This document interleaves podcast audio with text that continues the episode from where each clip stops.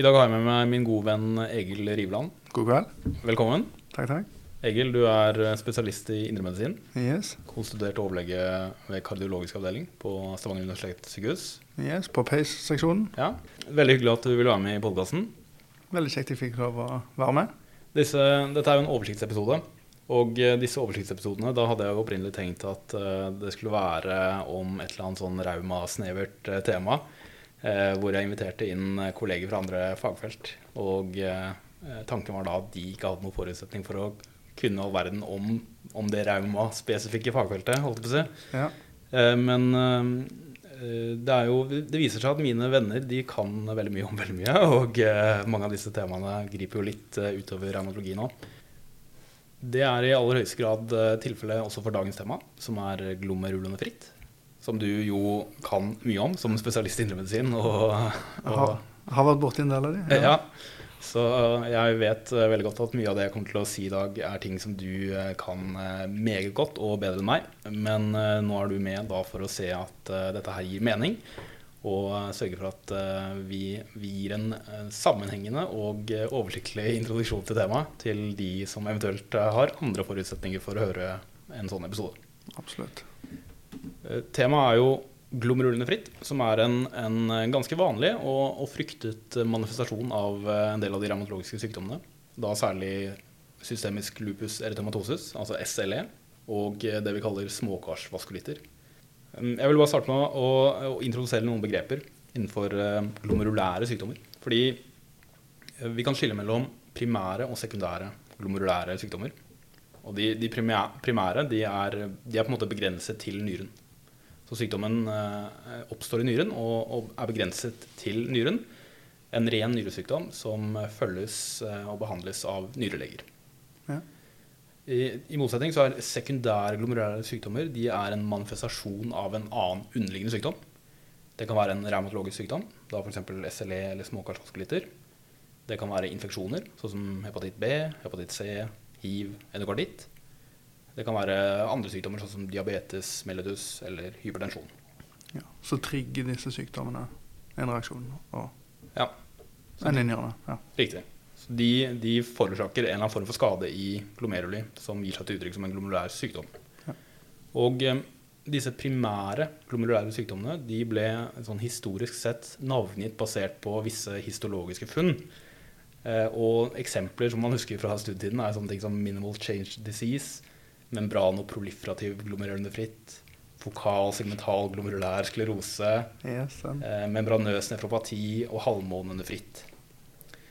Eh, men det, er, det, et, det ble etter hvert klart at disse sekundære glomerulære sykdommene ga også de samme histologiske mønstrene. Så det betyr at de begrepene der, sånn som membran og proliferativ glomerulonefritt osv., det refererer til histologiske mønstre, men ikke til en konkret diagnose. Så det er, det er først hvis du har utelukket de sekundære årsakene, at du kan si at sykdommen er primær. F.eks. en primær membranproliferativ glomerulonefritt. Det neste som er litt viktig med terminologien, er at man også skiller mellom glomerulonefritt og glomerulopati. Så glomerulonefritt det, det er jo da at det er en eh, inflammasjon i glomerulus. Altså at mm. den glomerulære skaden skyldes immunaktivering på et eller annet vis. Ja. Mens eh, glomerulopati eh, eh, brukes om sykdommer hvor inflammasjon ikke er fremtredende, og hvor inflammasjon ikke er den drivende prosessen. F.eks. diabetes nefropati eller hypertensiv nefropati. Ikke sant. Ja. Så selv om sykdommene kalles da nefropati, så er det man ser i glomerulus, er en glomerulopati. Ja. Ok, da beveger vi oss elegant eh, fra terminologien over til litt eh, anatomi og fysiologi. Um, Oh, yes. så nefronene. Vi skal ta for oss nefronene, Egil. Ja, Um, det, ja.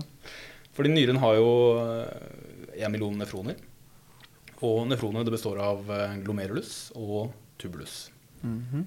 Og glomerulus det består av kapillærslynger og et eh, bindevev som kalles mesangium. Og mesangium består av mesangialceller og ekstracellulær matrix. I forkant av denne episoden her så har jeg prøvd å se om jeg klarer å beskrive dette her med, bare med ord. Men eh, jeg har innsett at jeg kommer til kort eh, der, så jeg har måttet eh, lage en liten juksefigur da, som er, som er bildet til denne episoden her. Hvor jeg har tegnet tverrsnittet av tre glomerulære kapillærer. Og imellom dem, altså i midten av dem, så finner man mesangium, som på en måte holder de samlet. Mm. Og det man også ser på figuren, er at glomerulus den er omringet av det vi kaller Bowmans kapsel. Ja. Og utenfor glomerulus, men innenfor kapselen, så finner vi Bowmans rom. Og urin det, det dannes ved at da væsken i blodet filtreres eh, gjennom en filtrasjonsbarriere og ut i Bowmans rom. Og så dreneres det derfra ut i tubulur. ja. Så denne filtrasjonsbarrieren, da, det er jo da en barriere som består av tre lag. Eh, Så hvis vi starter innerst, altså ved kapillærene, så er det først et endotellag eh, som er eh, fenestrert, så det er litt mer gjennomtrengelig enn vanlig endotel. Det neste laget i filtrasjonsbarrieren er den glomerulære basalmembranen, eller GBM.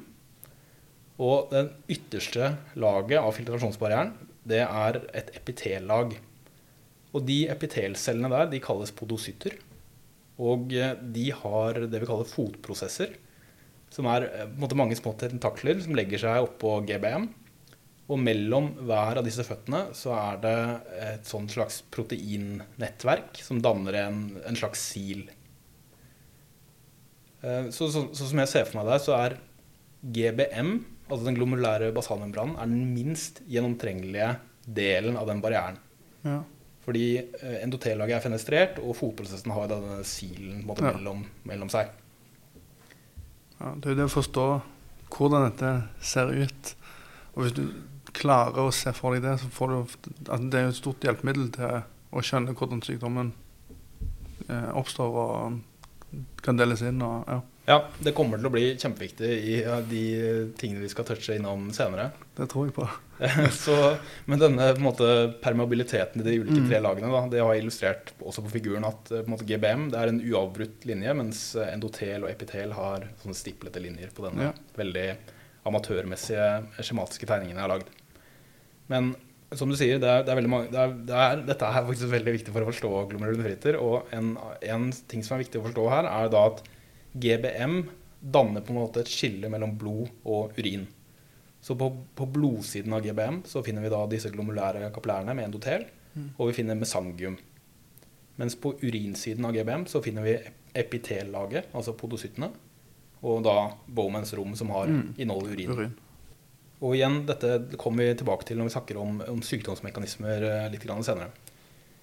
Men denne, denne filtrasjonsbarrieren den, den forhindrer at det filtreres celler, albumin og andre store proteiner over til urin. Og endotel og GBM virker å være særlig viktig for å forhindre filtrasjon av celler, mens podocyttene er særlig viktige for å forhindre filtrasjon av albumin. Eh, Det, det kommer til uttrykk ved at hvis man har en skade på endotel eller GBM, så har man hematuri. Ofte med ganske beskjeden proteinuri. Men hvis du har en skade på podocytene, uten skade på endotel eller GBM, men ren, isolert skade på podocytene, så har du massiv proteinuri, ofte sånn nefrotisk proteinuri, som vi skal komme Mhm. tilbake til, men Mm. uten hematuri. Så dette med proteinuri det er jo veldig viktig i denne sammenhengen her. Da. Så eh, som sagt så vil denne normale filtrasjonsbarrieren forhindre passasje av både celler, men også albumin og andre store proteiner i blodet. Men små proteiner, altså sånn som de lette kjedene til immunglobulinene, som kalles Benz-Jones-proteiner, de vil normalt kunne filtreres over filtrasjonsbarrieren, selv om den er helt normalt fungerende. Ja. Men disse som blir normalt filtrert, de vil normalt også reabsorberes i proksimale tubuli. Slik at det vil bare være veldig veldig små mengder protein som faktisk, eh, som faktisk skilles ut da, Mm. gjennom urinen. Vanligvis så vil det være under 30 mg per døgn. Og det betyr at hvis du har mer enn 30 mg per døgn i urinen med protein, så har du proteinuri. Eh, Hvis du har mer enn 3000 mg, altså mer enn 3 gram, så mm. sier vi nefrotisk proteinuri. Ja. Og hvis du har under 3000 mg, eller under 3 gram, så kan man kalle det for subnefrotisk proteinuri. Dette var jo en sånn ting jeg alltid sleit med i medisinstudiene. Nefrotisk, nefritisk. Ja. Sikker på du kommer tilbake til det. Ja, det, det skal vi gjøre. Jeg, du er ikke alene om det. Det syns jeg også var kjempevanskelig å, å få ordentlig grep på. Men når det gjelder proteineri, så, så så kan en proteineri være forbigående, eller den kan være persisterende. Og forbigående proteineri den er alltid ganske beskjeden, altså alltid subnefrotisk og vanligvis langt under ett gram. Og det kan ses ved f.eks. feber eller veldig hard fysisk aktivitet eller urinveisinfeksjon eller noe sånt. Og, og, eh, det identifiseres ved at man bare gjentar prøven f.eks. en uke etterpå. Og så hvis det ikke lenger er proteinuri, så kan du si at det var en forbigående proteinuri, og det trenger ikke noe videre utredning. Men hvis det er en persisterende proteinuri, så må man prøve å gjøre seg opp en mening om hva det kan skyldes. Og da kan det, eh, det man da kan forsøke å gjøre, er å skille mellom ulike mekanismer til proteinuri, som kan deles inn i glomerulær proteinuri, tubulær proteinuri eller overflow proteinuri. Mm. Så glomerulær proteinuri det er en skade i da, filtrasjonsbarrieren. Ja. Eh, som da gjør at, eh, kan, at, albumin og andre store proteiner kan passere over filtrasjonsbarrieren. Ja. Ved tubulær proteinuri eller overflow proteinuri så er filtrasjonsbarrieren intakt. Men det er et eller annet som gjør at disse små proteinene, som vanligvis filtreres over barrieren, ikke blir tatt opp tilstrekkelig. Så ved tubulær proteinuri så skyldes det et problem med reabsorpsjonen. Altså at okay. du har en skade på tubuli, så du filtrerer en normal mengde små proteiner, men du tar det bare ikke opp. Okay. Så at du skiller ut mer enn du normalt skal gjøre.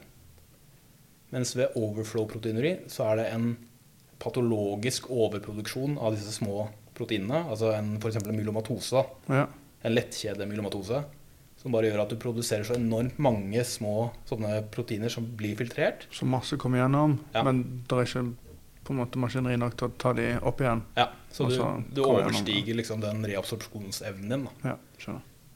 Så hvis du har en glomerulær sykdom, så forventer du at det er glomerulær proteineri. Og ved glomerulær proteineri så er albumin det dominerende proteinet i urinen. Mm -hmm. Fordi albumin er det dominerende proteinet i blodet. Ja. Så hvis alt protein bare flyter over, så vil det være mest albumin av alle proteinene i urinen. Mens ved tubulær, eller re, hvis, hvis, det er ren tubulær eller ren overflow-proteineri, mm. så er det ikke albumin i urinen. Da er det bare disse små uh, proteinene, f.eks. lettkjeden til immunglobulinene. Og dette har litt betydning når du skal kvantitere eh, protein i urin. fordi proteinfeltet på Ustix det gir, det, det gir, kun utslag på albumin. Det, det, gir ikke utslag på andre proteiner i urinen. Og det krever også et visst nivå av protein i urinen for at Ustixen skal slå ut på proteinfeltet. Okay. Så det er litt lite sensitivt. det, må gjerne være over 200 eller 300 mg per døgn for at det skal bli positivt på Stix. Og som sagt så er jo definisjonen Ganske mye mer enn ja. de 30 som er Ja, nettopp. Altså det må egentlig være ti ganger over den nedre definisjonen av proteinuri. Da. Og det betyr jo at Ustix vil ikke kunne påvise lavgradig proteinuri. Og Ustix vil ikke kunne påvise protein, proteinuri med andre proteiner enn albumin. F.eks. ved ren tubulær eh, proteinuri eller ved ren overflow proteinuri. Mm. Okay. Og så Ustix har jo veldig mange begrensninger, eh, åpenbart. Og det gjør jo at man må prøve å kvantitere dette her også på en annen måte. Og, og gullstandarden er jo egentlig at man samler urin over 24 timer. Og, eh, og, måler fra det, da. Men det er jo ganske strevsomt. Og jeg vet ikke om det er noen som gjør det i det hele tatt, egentlig. Men uh, det som er vanlig, er jo å heller ta og måle albumin, kreatinin ratio, AKR, mm. eller protein kreatinin ratio, PKR, i morgenurin. Så da tar man bare en morgenurinprøve, og så måler man da en sånn spot-måling.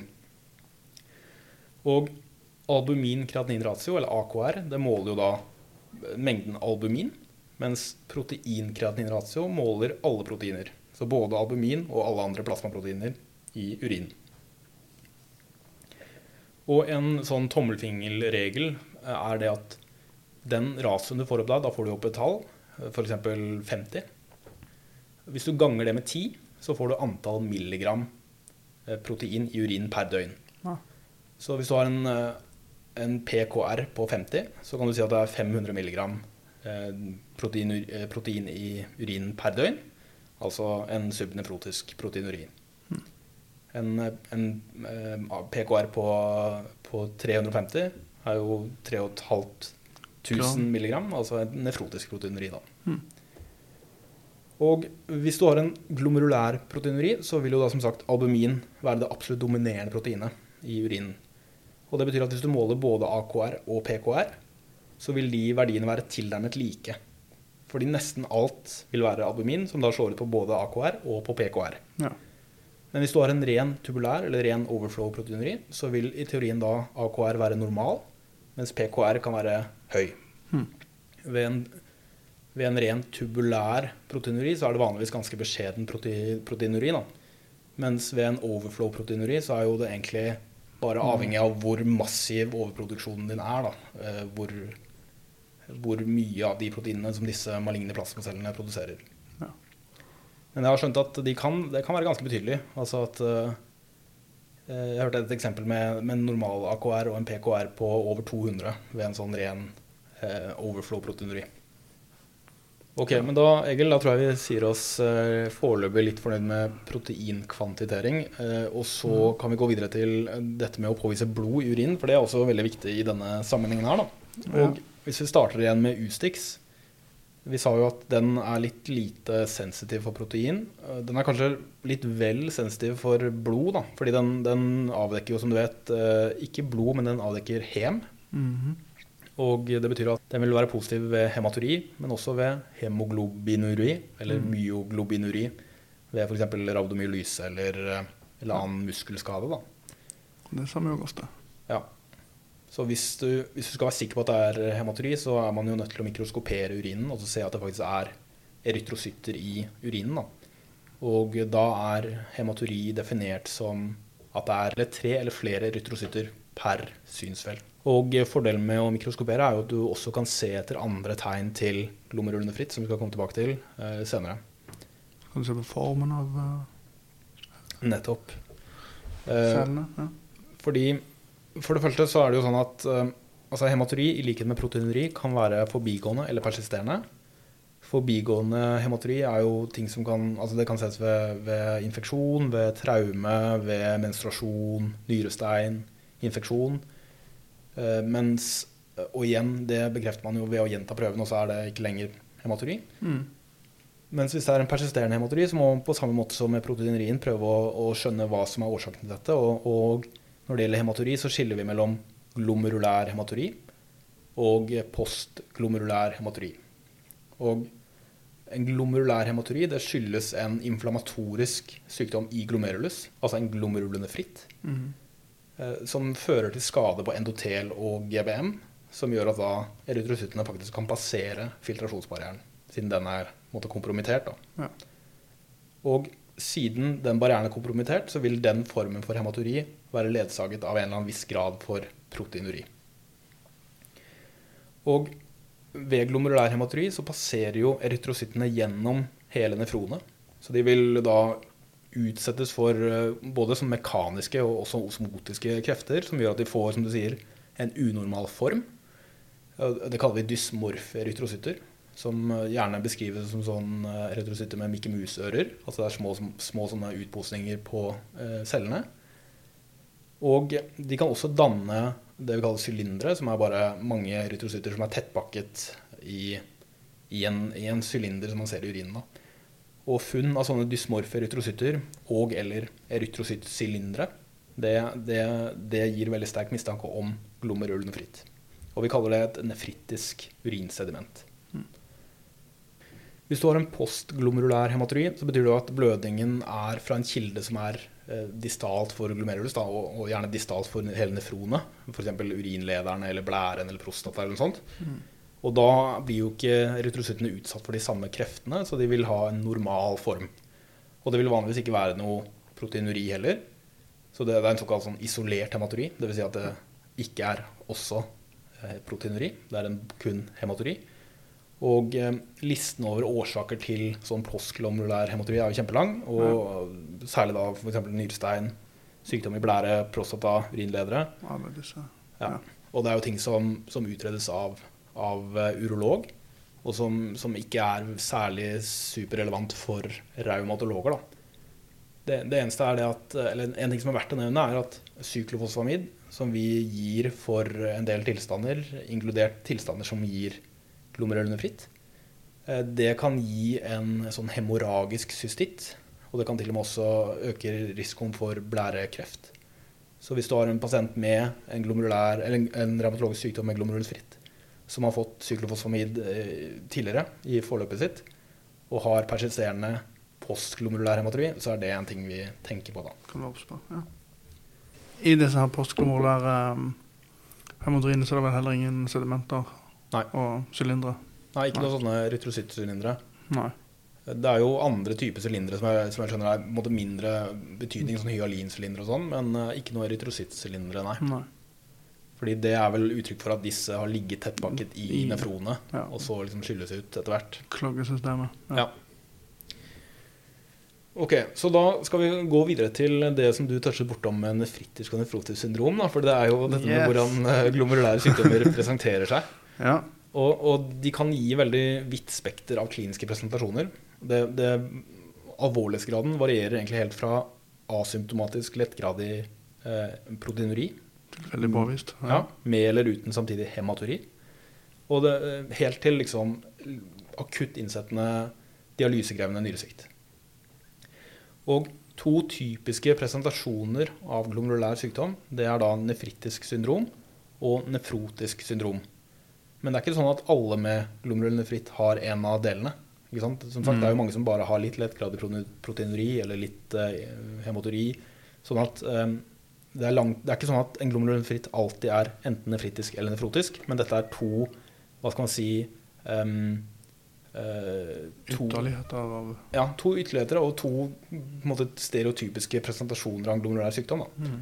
Så hvis vi starter med nefritisk syndrom, så er det sånn at en nefritisk syndrom skyldes alltid glomerulonefritt. Altså en inflammatorisk glomerulær sykdom som er et resultat da, av immunmediert skade på endotel og GBM.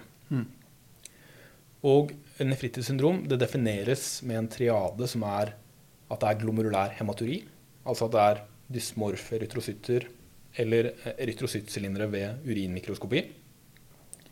At det er nyresvikt, og at det er hypertensjon. Mm. Og som sagt så vil det nesten alltid, eller det vil forvente å være en viss grad av proteinuri. Men graden av proteinuri det avhenger av hvorvidt podocyttene også er dratt med i prosessen. Altså Er den inflammatoriske prosessen så kraftig at den også drar med seg podocyttene, så blir det massiv proteineri. Mm. Men vanligvis så er podocyttene ved et nefritisk syndrom relativt bevart, da, sånn at proteinerien er subnefrotisk, Mm. som oftest. Eh, Hvis du har et nefritisk syndrom med mer enn 50% fall i GFR på ganske kort tid, altså sånn noen dager, noen uker eller noen få måneder, Ja. så kaller vi det raskt progrederende glomerulonefritt, eller RPGN. Altså at det er 50% fall, eller du har en halvering i GFR, på ganske kort tid. Jeg tror ikke det er noe helt entydig definisjon på hvor lenge det er, men det er sånn, du skjønner at dette går fort. Ja. Og ved raskt progrederende glomerulonefritt så vil nyrebiopsi ofte vise halvmåner i Bowmans rom. Og eh, vi skal, skal si hva det betyr litt senere. Men det betyr at raskt progrederende glomerulonefritt og halvmånenefritt brukes ofte synonymt, men det er ikke helt det samme, da. Fordi raskt progrederende glomerulonefritt er en klinisk presentasjon, mens halvmånenefritt er det biopsifunnet som man gjerne da ser ved den presentasjonen. Så det er et histologisk begrep. ja. Så igjen gjentar da triaden med nefritisk syndrom, glomerulær hematuri, nyresvikt og hypertensjon. Og grunnen til at man får nyresvikt og hypertensjon, er jo det at ok, filtrasjonsbarrieren er eh, defekt. Du rekker over celler, men selve filtrasjonen og dreneringen er, ikke som man er ikke så bra. Nei. Eh, Så du, du, får ikke, du får ikke filtrert nok av det du egentlig vil filtrere. Eh, og som en konsekvens av det så får du aktivering av renin, angiotensinsystemet, og så blir det hypertensjon av det. Da. Dette Flott ord. Flott ord. Det er jo Nå skal jeg lære deg om renin- og angiotensinsystemet. Takk. Ja. Nei, men det, jo, men det er viktig å bare nevne de ordene, tenker jeg, og Ja. skjønne der spiller det inn, og Ja. videre inn i kaskaden. Ja. Ja. Så hvis vi da går videre fra nefritidssyndrom til nefrotisk syndrom, så er det sånn at nefrotisk syndrom det skyldes en skade i podocyttene. Mm. Og som sagt så kan det skje som en konsekvens av et nefritisk syndrom. At du også drar med deg podocyttene, og så har du på en måte både nefritisk og nefrotisk syndrom. Men disse, denne podocyttskaden kan også skje uten at det er samtidig skade på endotel og GBM. Og da får du da som sagt bare proteinuri. Og en sånn skade på podocyttene den kan være enten inflammatorisk, som vi sa, men den kan også være ikke-inflammatorisk. Altså F.eks. Eh, ved diabetes-nefropati så kan du få en, en skade på podocyttene som ikke skyldes immunaktivering. Så nefrotisk syndrom kan derfor både ses ved glomerulonefritt, men også ved visse glomerulopatier, da, eller ikke-inflammatoriske glomerulære sykdommer. Mm. Og nefrotisk syndrom det er definert av en, en, tetrade. Det første er nefrotisk proteinuri, altså at det er mer enn 3 gram per dag. Dvs. Si at PKR er over 300. Ja, og det er jo på en måte kardinale ja, ja. Så det i seg selv kalles nefrotisk proteinuri, men det er ikke synonymt med nefrotisk syndrom. Da. Fordi for å, få, for å, ha nefrotisk syndrom så må du også ha de tre andre komponentene av tetraden. Eh, det, det neste er hypoalbuminemi under 30. Eh, det neste er ødemer, og det siste er hyperkolesterolemi. Så det er først hvis du har alle de fire at du sier at det er nefrotisk syndrom, altså nefrotisk proteinuri, hypoalbuminemi, ødemer og hyperkolesterolemi.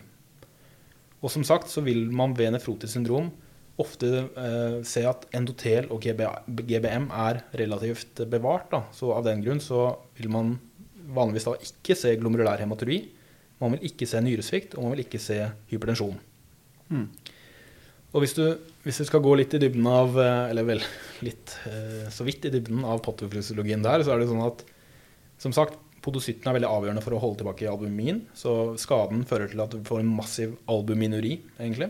Mm. Og det resulterer i hypoalbuminemi, fordi du, du, taper det fra blodet.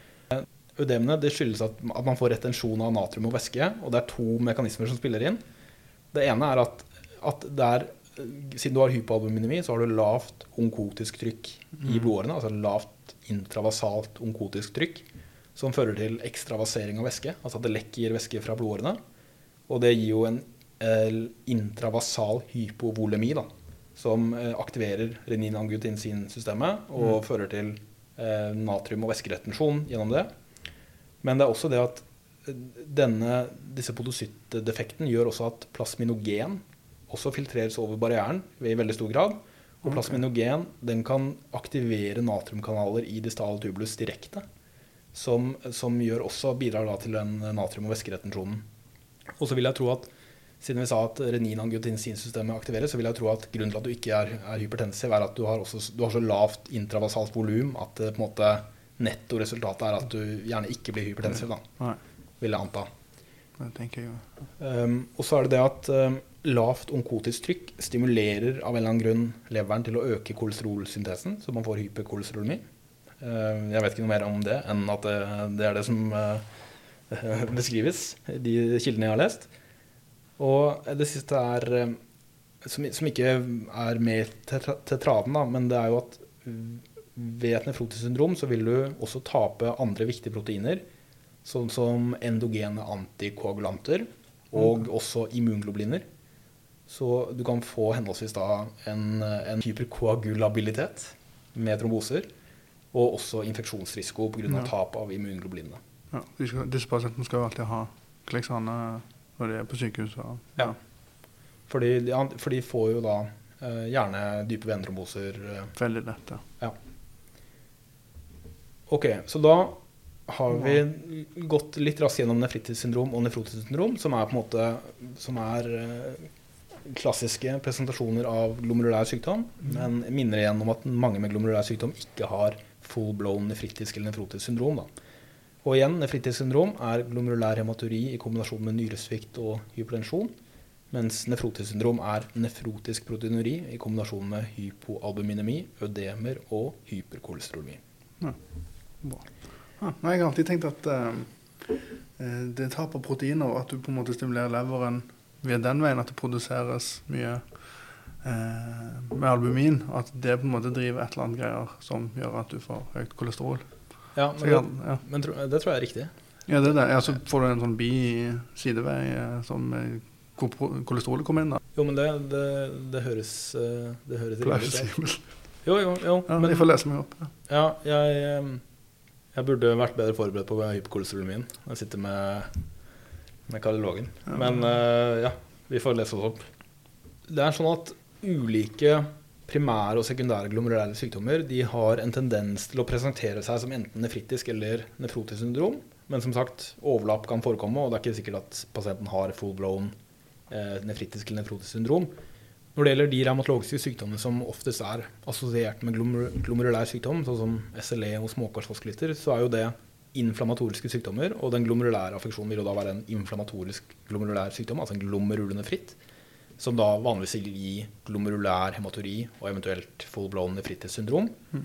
Men av disse her så har det vært å merke seg at SLE kan også gi et, faktisk en ren, et rent nefrotisk syndrom, altså uten hematuri. Ja. Selvfølgelig. Det er jo SLE. Ja, og vi skal, vi, skal, vi skal, snakke litt om hvorfor, hvordan det kan skje da, litt, eh, litt etterpå. Fordi hvis vi, hvis vi, går litt inn på de mekanismene som ligger til grunn for disse glomulære manifestasjonene av disse revmatologiske sykdommene, så er det egentlig tre ulike mekanismer som er, som er relevante. Mm. Og den første mekanismen er at det, er at det dannes autoantistoffer mot den glomulære basalmembranen altså anti-GBM-antistoffer, ja. som, som, binder direkte til GBM og fører til immunaktivering og skade på GBM. Og den mekanismen der er jo den som ligger til grunn for anti-GBM-sykdom, eh, tidligere kalt good pasture-sykdom. Veldig sjelden sak som vi skal snakke litt mer om i neste episode. Men, men, det er som sagt veldig, veldig sjelden jeg, har aldri sett det selv. Jeg vet ikke om du har sett det noe? Ja, det var vel én i min tid på nyreavdelingen. Ja. Men, uh, ja. Ja. De flokka seg rundt han. Ja, ja ganske sjelden fugl. Ja. Og um, det er vel Jeg er litt usikker på egentlig hvem som har hovedansvaret for det. Det blir jo gjerne nefrologene, da, i og med at de sjelden har noe ekstrarenalt, sånn som vi også skal snakke om uh, senere. De kan ha lungeblødning, men de har ikke mm. noe annet eh, ekstrarenalt enn det i så fall. Så det er jo gjerne det renale som dominerer, også ja. der plasmafrese og, og nyre veldig, ja, At det er nyrelegene som kanskje holder mest i det. Ja. Men, men, det var som sagt den første mekanismen som kan, som kan ligge til grunn for en glomerulær sykdom ved revmatologisk sykdom. Den neste mekanismen det er at det dannes immunkomplekser som i sin tur deponeres eller slås ned i glomeruli og forårsaker skade der. Eh, Bl.a. med immunaktivering. Ja. Og et immunkompleks er jo en altså antistoff som binder til antigen, og så klumper de seg liksom litt sammen til sånne litt store, større aggregater. Og ved, siden vi nå snakker om autoimmune revmatologiske sykdommer, så er jo disse immunkompleksene autoantistoff bundet til autoantigen. Mm. Og eh, i de fleste tilfeller så vil disse immunkompleksene dannes i sirkulasjonen, og så da som sagt slå seg ned. Eh, og som jeg skal komme tilbake til, så er lokalisasjonen av nedslagene, altså hvor de slår seg ned i glomerulus, mm. det er viktig for den kliniske presentasjonen. Så immunkomplekser i mesangium eller i endotel gir en annen presentasjon enn immunkomplekser i eh, epitellaget, altså i podocyttene. Ja. Og glomerulonefritt som skyldes sånne immunkomplekser, det kalles gjerne med fellesbetegnelsen immunkompleks glomerulonefritter. Og det kan da ses ved SLE, eh, og også ved det vi kaller for immunkompleks vaskulitter, som er da IGA-vaskulitt. Ja. Ja. Eh, kryoglobulinemisk vaskulitt og en sjelden sak som heter hypokomplementemisk urtikaria vaskulitt. Kommer litt tilbake til det også eh, etter hvert. Men, så det var den andre mekanismen, immunkomplekser. Den tredje mekanismen er at immunceller går til direkte angrep på endotel. Og med direkte angrep så mener jeg at det er ikke, det er ikke sånn at det er autoantistoffer som først slår seg ned eller danner immunkomplekser. Det er bare at immuncellene direkte angriper dem. Eh, angriper endotel, altså. Mm. Og, og det, den mekanismen der ses ved anka-assosierte vaskulitter. Så for å gjenta så er det da tre mekanismer. Det er autoantistoffer mot GBM. Det er ses ved anti-GBM-sykdom. Det er immunkomplekser som mekanisme nummer to. Altså sirkulerende immunkomplekser som deponeres i glomeruler. Det ses ved SLE og immunkompleks-vaskulitter. Og mekanisme nummer tre er at immuncellene direkte angriper endotel uten at det er noe deponering av antistoffer. Og det det er noe vi ser ved ankeassosierte vaskulitter. Og okay. som jeg har hintet til flere ganger, da, så er det da at hvilken del av glomerulus som angripes, er av betydning for presentasjonen. Fordi hvis du, altså Glomerulær hematuri og eventuelt da full-blown nefritis syndrom, det er uttrykk for at det er en inflammatorisk skade på endotel og GBM. Og det kan jo da naturlig nok ses ved anti-GBM-sykdom og ved ANKA-assosiert vaskulitt. Det kan også ses ved disse immunkompleksklomerulonefrittene, men her vil da lokalisasjonen til immunkompleksene, altså hvor de slår seg ned, vil være helt avgjørende for hva som skjer. Fordi disse immunkompleksene de kan deponeres i mesangium. Ja. Det kalles mesangiale nedslag. De kan deponeres i endotel, eller egentlig mellom endotel og GBM. Det kalles subendoteliale nedslag. Eller de kan deponeres i epitellaget, altså i podocyttene, eller i praksis mellom epitel og GBM. Så det kalles subepiteliale nedslag. Og igjen så kommer vi da tilbake til at GBM er skillet mellom blod- og urinsiden. Så det betyr at mesangium og endotel er på blodsiden av GBM. Mens epitel, altså podocyttene, de er på urinsiden av GBM. Mm. Og det betyr at mesangiale og subendoteliale nedslag, altså nedslag i mesangium eller endotel, de, eh, de er på blodsiden av GBM, og derfor så er de i kontakt med sirkulerende immunceller og komplementproteiner. Mens de subepiteliale nedslagene, altså de i podocyttene, de er på urinsiden av GBM, og derfor så er de atskilt fra sirkulerende immunceller og komplementproteiner. Så de er ikke i kontakt med dem. Så Et viktig skille. ja, og det betyr jo at inflammasjon i glomeruli, altså glomerulonefritt, med glomerulær hematuri og eventuelt nefritisk syndrom, det kan ses ved immunkompleksnedslag i mesangium eller i subendotel. Og igjen så er det det da fordi de er i kontakt med sirkulerende komponenter av immunsystemet. Mm. Og det er også fordi både mesangiale celler og endotelceller har i seg selv evnen til å produsere proinflamatoriske cytokiner hvis de blir irritert av immunkomplekser. Ok. Så mesangiale og- eller subendoteliale nedslag det vil føre til immunaktivering og eh, produksjon av proinflammatoriske cytokiner. Og resultatet vil jo være eh, inflammatorisk skade på endotel og GBM, og ergo en glomerulonefritt. Og så generelt så kan man si at subendoteliale nedslag gir en mer hissig inflammatorisk prosess enn mesangiale nedslag. Og jeg tenker jo at det er fordi endotelcellene er i mer direkte kontakt med Ja. disse sirkulerende komponentene av immunsystemet. Og også at trolig at endotelceller bare har en enda større proinflammatorisk evne enn disse Innat evne, ja. Ja. Mm. At de er, liksom, de er en del av immunsystemet på mange vis. Da. De skal trigges. ja. De skal reagere. Ja. så de, med, når de får sånne typer nedslag, så reagerer de veldig hissig. Mens eh, den reaksjonen i mesangium er litt mindre eh, kraftig, da, kan man si. De murrer litt. Ja. De murrer litt, ja. Og, og det kommer vi også tilbake til senere, hvor man kan se at en glomerulonefritt med mesangiale nedslag har ofte en mindre alvorlig presentasjon enn en med subendoteliale nedslag. Mm. Og så eh, kommer vi da tilbake til podocyttene, som igjen er på urinsiden av GBM og adskilt fra sirkulasjonen. Så hvis du har i gåseøynene kun immunkompleksnedslag i subendotel, altså i, nei, unnskyld, i subepitel, i epitellaget, altså podocyttene, Ja. Så vil man ikke få noe eh, immunaktivering. Nei. Og disse podocytene har heller ikke noe evne til å produsere proinflammatoriske cytokiner selv. Nei, for de er jo på feil side. Ja. Så de, de reagerer ikke på en sånn inflammatorisk måte når de får disse immunkompleksnedslagene i, eh, i sitt område. Men de kan derimot, altså nedslagene kan allikevel forstyrre podocytfunksjonen. Så denne, denne silen mellom fotprosessene blir ikke like effektiv, og Nei. derfor får du da denne massive proteinurien. Men siden det ikke er noe immunaktivering, og siden det ikke er noe skade på endotel og, og GBM, så vil du ikke se noe glomerulær hematuri eller nyresvikt. Okay. Igjen så er det jo, tror jeg, veldig nyttig å se på den figuren, da. Fordi det, det er først med den figuren at jeg, at jeg virkelig forsto forsto både begrepene og hvordan, hvordan det faktisk ser ut. da, Og Ja. hvor mesangium egentlig er, f.eks. Som Ja, var ganske ja. uklart for meg. Men eh, jeg håper det gir litt mening, det vi nå har sagt. Det, det neste eh, jeg vil ta opp, da, er hvordan vi faktisk utreder dette her utover bare urinanalyser. Og det, det neste steget i en utredning av glomerulonefritt er jo da en nyrebiopsi. Ja.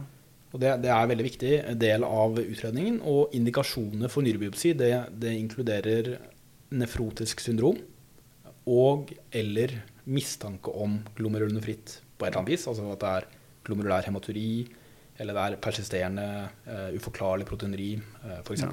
har sett noe sp- spennende på urinmikroskopien. Hvis de har gjort det, så er, eh, så er det klart at det er fristende å få se hva det dreier seg om. Og Men da det er jo bare å understreke hvor lav terskelen må har for urinmikroskopi. Du kan få ut så mye av det, og det er lett, billig. Men du må gjøre mye av det for å bli god på det. Ja. Men, topp, eh, ja. topp, topptipp der. Og Helt- gjør det ofte. Ja. Helt enig. Og eh, det finnes jo veldig bra kilder til å se mikroskopifunn.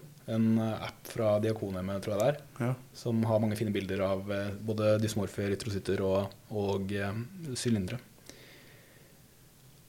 Um, ok, så Nyrebiopsi det gjøres jo da fortrinnsvis av nyreleger, og de gjør det vanligvis Eller de gjør det ultralydveiledet med en sånn perkutan nålbiopsi. Og eh, det er jo en viss risiko for blødning, men uh, mitt inntrykk er at det stort sett går veldig, så, veldig fint. Og dette biopsimaterialet det undersøker da patologen med både lysmikroskopi, men også immunhistokjemi, altså sånn immunfluoresensundersøkelser, og også med elektronmikroskopi. Og for at uh, patologen skal kunne gi en, eh, en sikker vurdering, så sier man at man må ha minst åtte glomeruli i biopsien, da, i preparatet. Jeg tror det er litt eh, det, det er nok litt ulike grenser på dette her, fordi det er ikke helt enighet i de kildene jeg har sett, men i hvert fall et sted, eller flere steder jeg så åtte som, eh, som grensen. da. Ja. Og da begynner man gjerne med lysmikroskopi, hvor man vurderer hvor mange av glomeruline er affisert. Og da sier man at den er enten diffus hvis det er flere enn 50, vel, eh, en, eller fokal hvis det er færre enn 50 um, Og så ser man også hvor stor del av hver enkelt glomerulus er rammet av prosessen. Og da skiller man mellom global og segmental. Mm. Så det, det er diffus versus fokal på antall glomeruli, og så er det global versus segmental på hver enkelt eh, glomerulus. da.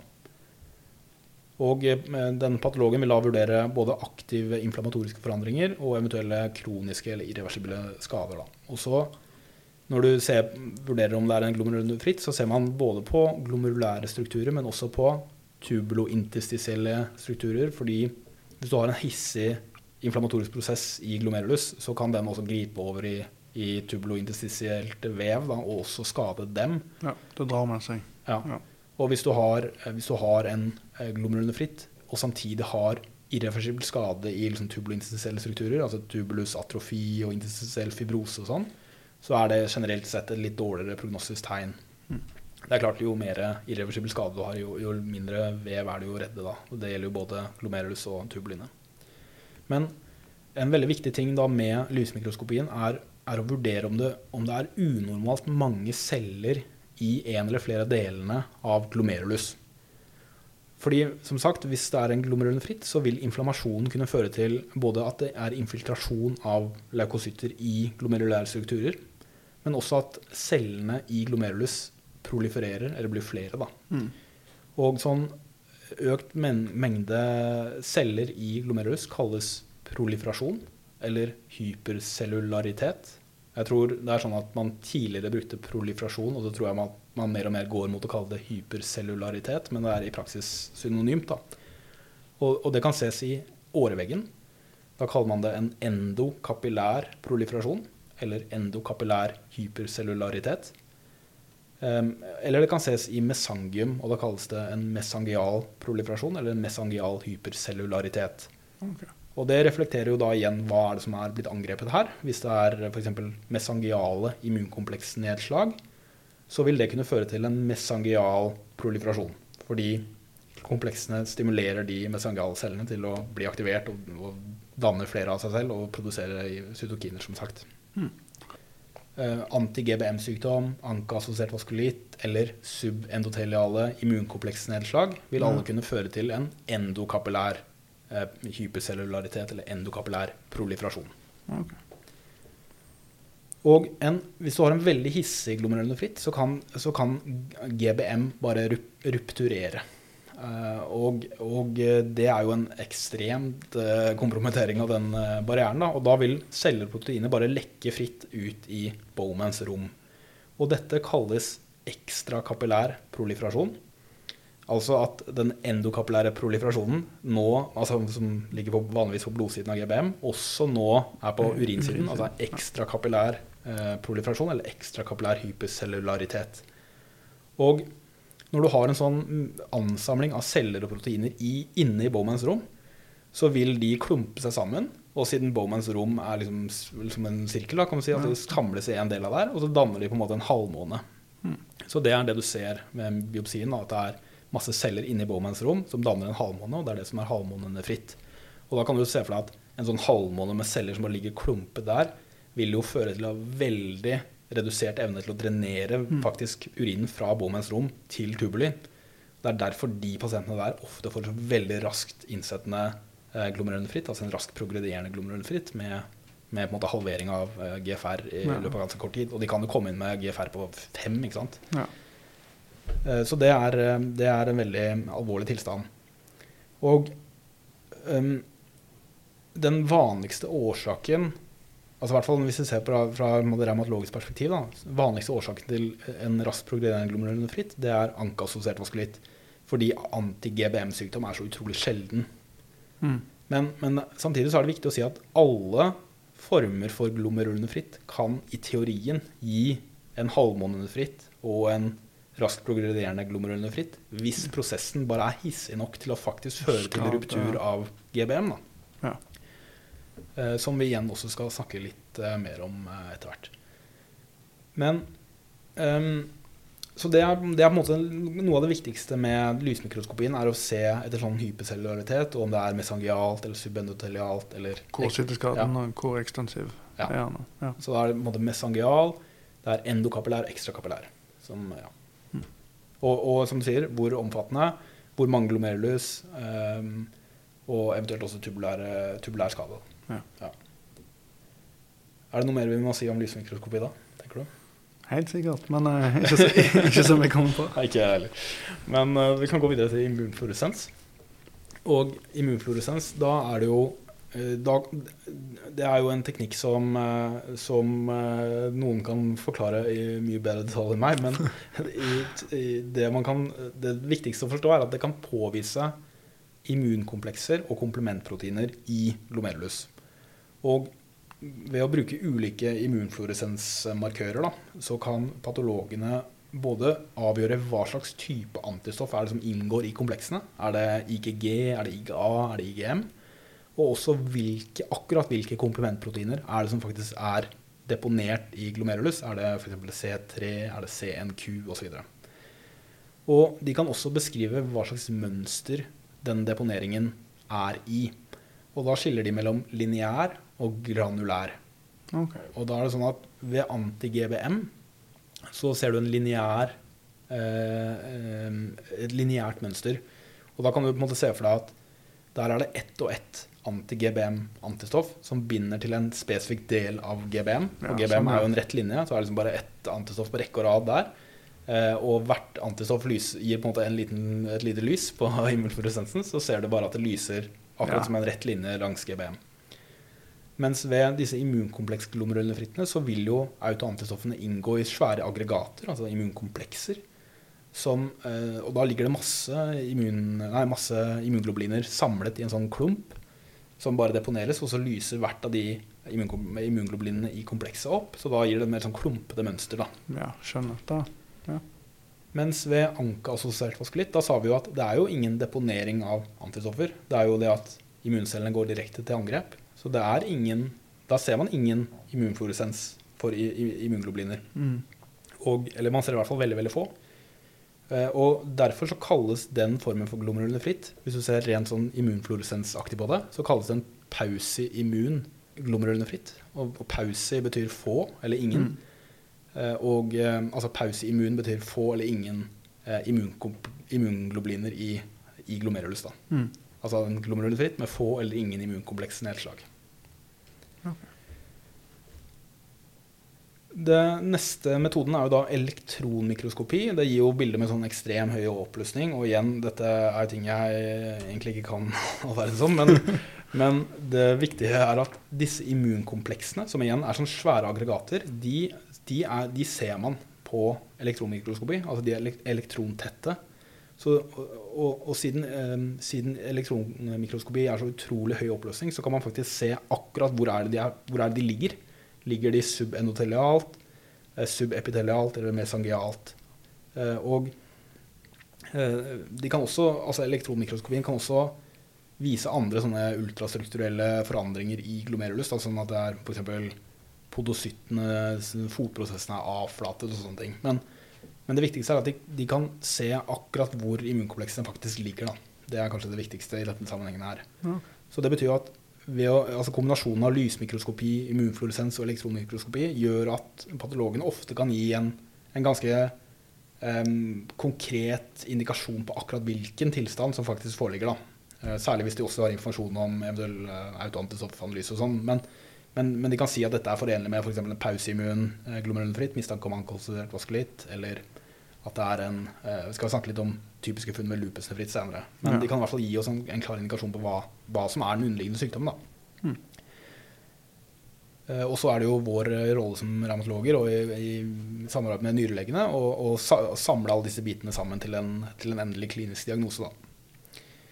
Og neste episode så tenkte jeg å komme litt tilbake til dette her for å snakke om, eh, om glomerulonefritten ved noen utvalgte revmatologiske sykdommer. Og da Ja. har vi dette bakteppet nå, hvor vi har snakket oss gjennom eh, eh, mye av nyrene, og, og, og da har en bedre forståelse for å snakke om disse ulike nedslagene og ulike prosessene i nyrene når du skal snakke om de sykdommene etterpå. bra. Ja. Um, er det noe mer vi vil si da? Det har jo vært mye, mye tungt, men um, ja, jeg føler mye kommer tilbake til oversikten over uh, hvor skaden skjer, hva som bare hadde det klart foran seg og. Holde tunge rett i munnen. Ja. Så en, eh, et mesangialt nedslag gir mesangial eh, proliferasjon. Vanligvis ganske beskjeden glomerulonefritt. Mm. Subendotelial nedslag gir endokapillær proliferasjon, kan gi veldig hissig glomerulonefritt, til og med Mm. med GBM-ruptur, og da ekstrakapillær proliferasjon som gir seg et uttrykk med halvmåner, som gjerne gir et raskt progrederende glomerulonefritt-bilde. Ja. Mens disse subepiteliale nedslagene gir bare massiv skade på podocyttene og deres funksjon, og hvordan da albumin lekker gjennom og gir en, en heftig proteinuri. Ja. Egil.